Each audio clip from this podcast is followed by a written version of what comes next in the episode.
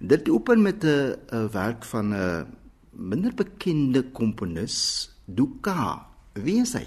Ja, Paul Duka is 'n interessante persoon. Was 'n interessante persoon, 'n Fransman wat eintlik baie hy was baie hard op homself.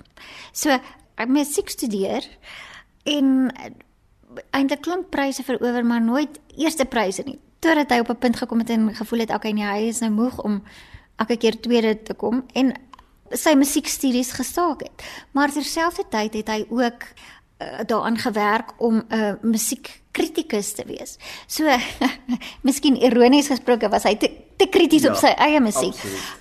Want dit hy voel so bietjie en en nou spesifiek hierdie hierdie werk die towenaar se leerjonge wat ek dink baie luisteraars sal ken of herken van die fantastiese Walt Disney produksie. Die musiek is gebaseer op die die gedig van ehm um, Goethe met dieselfde titel Der Zauberlehrer. Ek voel 'n bietjie soos 'n as ek nou die Engels kan gebruik 'n one hit wonder. Mm -hmm. Want as mens dink aan Paul Duka, dan dink jy aan die towenaar se leerjonge sy grootste werk was om die waarheid te sê 'n ballet wat hy geskryf het en hy het ook 'n simfonie geskryf wat op internasionale vlak redelik bekend is maar hy was so krities op homself dat hy 'n groot persentasie van sy komposisies vernietig het en dan dink mens jy voel half jammer of, of hartseer want as mens kyk na wat 'n fantastiese komposisie hierdie towenaar se leerjonge is dan kan jy nou net indink dat sy ander musiek eintlik ook so goed sou gewees het. Maar so hy het homself ek dink hy het homself 'n bietjie teruggehou as mense nou dit so kan stel. Maar as 'n as 'n musiekkritikus en akademikus was hy ook baie aktief en amper meer op die ouend in sy lewe as wat hy komposisies verder gevat het. En dan volg Ernst Chausson se poeme. Uh, dit word dikwels as 'n gewone rapsodie gesien, maar dit is 'n verskriklike mooi werk, dis interessante werk, veel eisende werk vir 'n mm. vioolsolis. Ja. Dit is ook een van daai wat dit het al verskillende gedaantes ondergaan en en verskillende selfs die titel van die werk het het chanson 'n paar keer verander en op die ou end opgeëindig net deur 'n eenvoudige titel poem dit is baie geïnspireer deur die violis en komponis Eugene Isai. En Isai het om die waarheid te sê die die amptelike premier gedoen, maar wat interessant is is hy het self ook 'n bietjie van sy eie invloed op die werk gesit want daar is aan die begin van die konserte of of 'n uh, simfoniese toondig wat dit eintlik amper is 'n uh, tegniek wat wanneer 'n mens twee note of meer as twee note op die viool op 'n slag speel.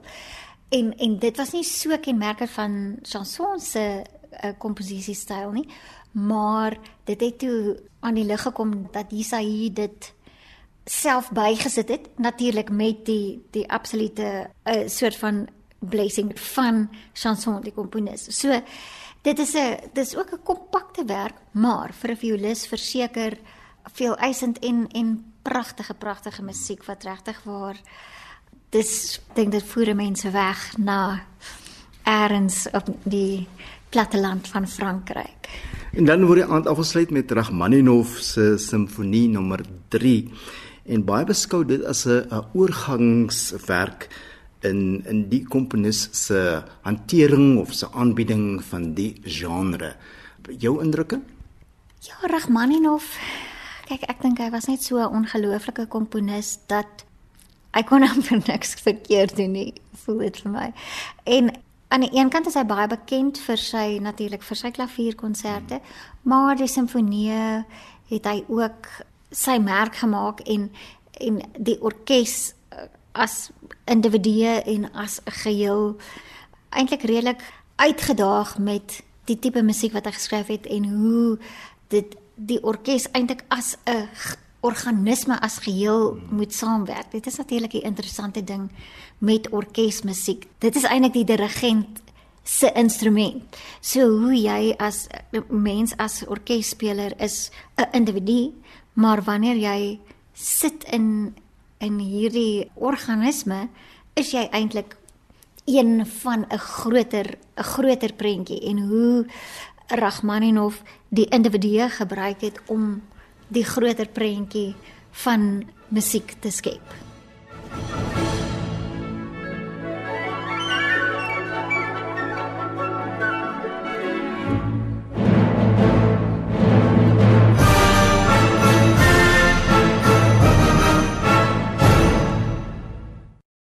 Die laaste konsert is op die 22ste Junie en die eerste werk op die program daardie aand is Beethoven se Egmont Ouverture. Maar dis net 'n deel van 'n groter werk wat jy gaan uitvoer. Beethoven hierdie Ouverture is 'n interessante stukkie musiek. Dit was eintlik 'n 'n stel toevallige musiek as mense dit nou dis nou die tegniese term wat eintlik redelik ongewoon is vir vir die tyd waarin Beethoven dit gekomponeer het. So dit is half soos musikale sketse. Maar om een of ander rede is die ouverture regtig waar die enigste een wat amper blywend is in die in die simfoniese repertorium. So die die volledige werk is gebaseer op teks van van Johann Wolfgang Goethe in die tyd waarin dit geskryf is, Goethe was verseker ook 'n 'n baie voor sy tyd, kan ek amper sê. So so ek dink dit is ook deel van die rede hoekom die res van die musiek nie so gereeld uitgevoer word nie, want dit is bietjie buite almal se as ek nou weer 'n Engelse term kan gebruik, comfort zone, wil ek amper sê. So maar die ouverture is is bekend eh, en is geliefd hmm. en ek dink dit is hoekom dit gereeld op 'n konsertprogram gesien en gehoor natuurlik word. Vir volledigheid al wil mens net noem dat hierdie Egmont uh, werk bestaan eintlik uit 'n totaal van 9 dele waarvan jy nou net die ouverture die eerste deel gaan uitvoer. Mm.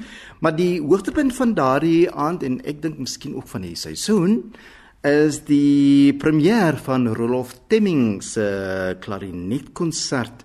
Die solis is ook 'n baie interessante persoon. Dit is ook goed dat ons ietsie oor haar verneem want as ek dit nie mis het, het hy die werk aan haar opgedra. Dit is heeltemal korrek. Ja, Rolof wat uit die aard van die saak ongelukkig nie meer met ons is nie, was 'n absolute fenominale komponis en en ook definitief voor sy tyd. Sy sy musiek het absolute baanbrekerswerk gedoen, sy komposisies. En so hy het in Stellenbosch gebly en Maria de Tooi wat die solis is was ook van Stellenbosch en sy was 'n student van Jimmy Reinders aan die Konservat Stellenbosch Konservatorium en ek dink dit was net sy is so 'n fenominale musikant dat mens heeltemal kan verstaan dat Rolof hierdie werk aan haar opgedra het en in haar eie reg 'n fantastiese eh, klarinetspeler en en ook wil amper sê 'n kampvegter vir musiek van minder bekende komponiste en en en spesifiek vroulike komponiste. Sy is besig met 'n hele konserttoer in Suid-Afrika, 'n uh, klarinet en klavier wat hulle spesifiek die programme fokus op minder bekende of onbekende vroulike komponiste. So so Maria is regtig 'n formidable musikant en ek sien baie uit daarna om daardie konserte kan meemaak. Ja. Dit is besonder want dit is 'n wêreldpremiere, eerste keer dat dit ooit opgevoer gaan word en dan spesifiek in Suid-Afrika en die soloist is 'n Suid-Afrikaner wat 'n Suid-Afrikaanse komponis se werk uitvoer. So dit is beslis die moeite werd om om by te woon. Absoluut. Die seisoen word nou afgesluit dan met Brahms se simfonie nommer 1, nog 'n werk wat lank geneem het voordat dit voltooi is. ja, nee, ek ek weet nie mens moet hierdie is omtrent mens kan dit, dit gebruik as voorbeelde vir jou studente soos ek gesê het van moet nou nie moet nou nie so jou van koers afraak nie maar dit is interessant dat hy net soos met Liszt wat is die rede of Schubert hoekom het hy van koers af geraak? En en en daar's verskeie redes op verskeie bespiegelinge hoekom hy van koers af geraak het en hy het 'n idee gehad en begin met iets en toe skielik besef nee maar hierdie musiek is eintlik meer gepas om 'n klavierkonsert te wees as wat dit die simfonie was. So so dit is baie interessant. Dit is 'n weer eens ook 'n pragtige simfonie en ehm um, vir 'n komponis wat hy het 'n hele paar simfonieë geskryf.